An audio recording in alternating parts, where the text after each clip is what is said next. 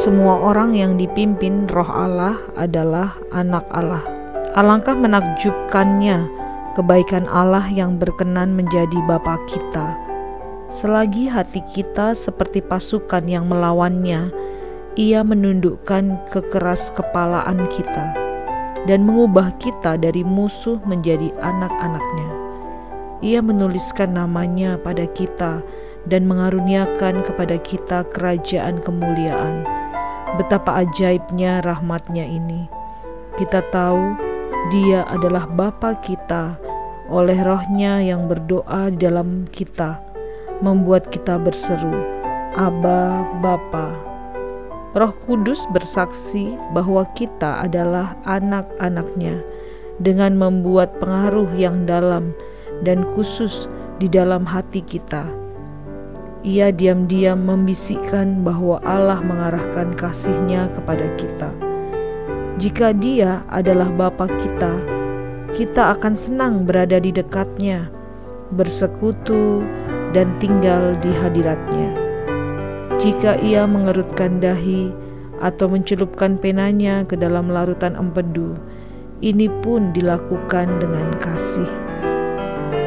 Penderitaan sekalipun seperti anak panah yang runcing, dilontarkan oleh Bapa yang penuh kasih. Allah menyesah di dalam kasihnya untuk merendahkan hati dan memurnikan kita. Ia memukul demi menyelamatkan kita. Jika ia menyembunyikan wajahnya, itu pun dilakukan di dalam kasihnya.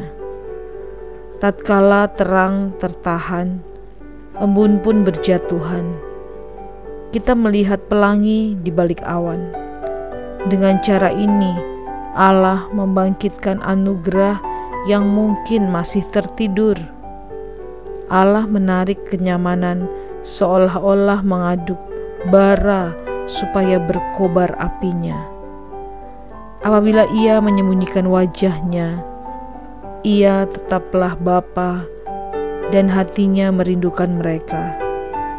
Sebaliknya, ini merupakan sesuatu yang menyedihkan bagi orang fasik.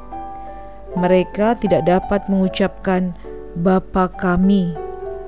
Mereka hanya dapat menyebut dia Hakim kami. Namun, jika pada akhirnya mereka mau mencari Allah dan memutuskan ikatan dengan dosa-dosa, ia akan menjadi Bapa mereka tatkala anak yang terhilang kembali ke bapaknya.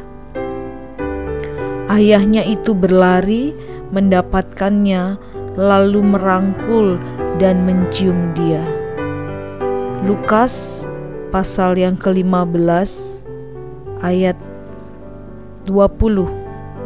Lukas 15 ayat 20 Maka bangkitlah ia dan pergi kepada bapaknya Ketika ia masih jauh, ayahnya telah melihatnya, lalu tergeraklah hatinya oleh belas kasihan. Ayahnya itu berlari mendapatkan dia, lalu merangkul dan mencium dia.